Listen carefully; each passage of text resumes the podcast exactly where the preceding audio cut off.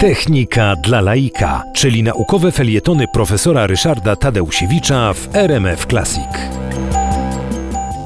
Bociany wbrew pozorom mają stosunkowo łatwo, dlatego że większa część drogi bocianów do Afryki, głównie do Egiptu, y, wiedzie nad terytorium y, powiedzmy lądowym, to znaczy y, one sobie po prostu lecą nad znanymi sobie okolicami, a ponieważ lecą w gromadzie, więc w związku z tym w takiej gromadzie zawsze jest przynajmniej kilka doświadczonych ptaków, które już tą trasę przebywały, wobec tego można powiedzieć, że jest to wycieczka z przewodnikiem.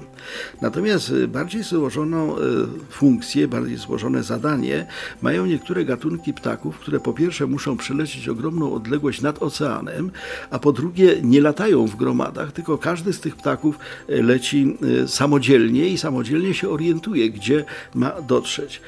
Jest taki ptak, malutki zresztą, który nazywa się alaskański szlemik.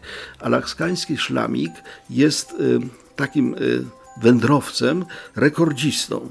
Mianowicie e, ten ptak, e, zgodnie ze swoją biologią, dwa razy do roku przebywa drogę z Alaski do Nowej Zelandii, a to jest 11 680 km w jedną stronę.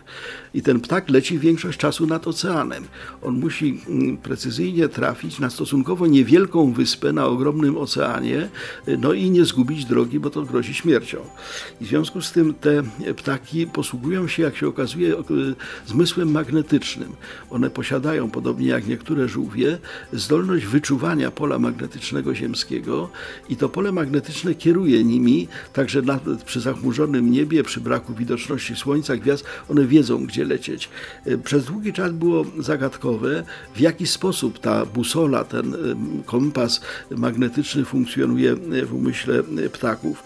E, okazało się, że odpowiedzialne za to są specjalne fotoreceptory, tak zwane kryptochromy, Y, które odbierają y, światło barwy niebieskiej w oczach ptaków i które zawierają molekuły y, białka, właśnie zmieniające swoją orientację pod wpływem pola magnetycznego.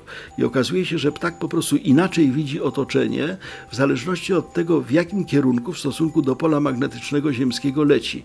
Dzięki temu potrafi wyznaczyć sobie bardzo dokładny szlak, bardzo dokładną drogę i potrafi ją przebyć. Te 11 tysięcy kilometrów, 11 680 km, alaskańskie szlamiki e, przebywają w ciągu 9 dni, zaledwie 9 dni i pokonują właśnie e, wielkie odległości nad oceanem, no i przeżywają.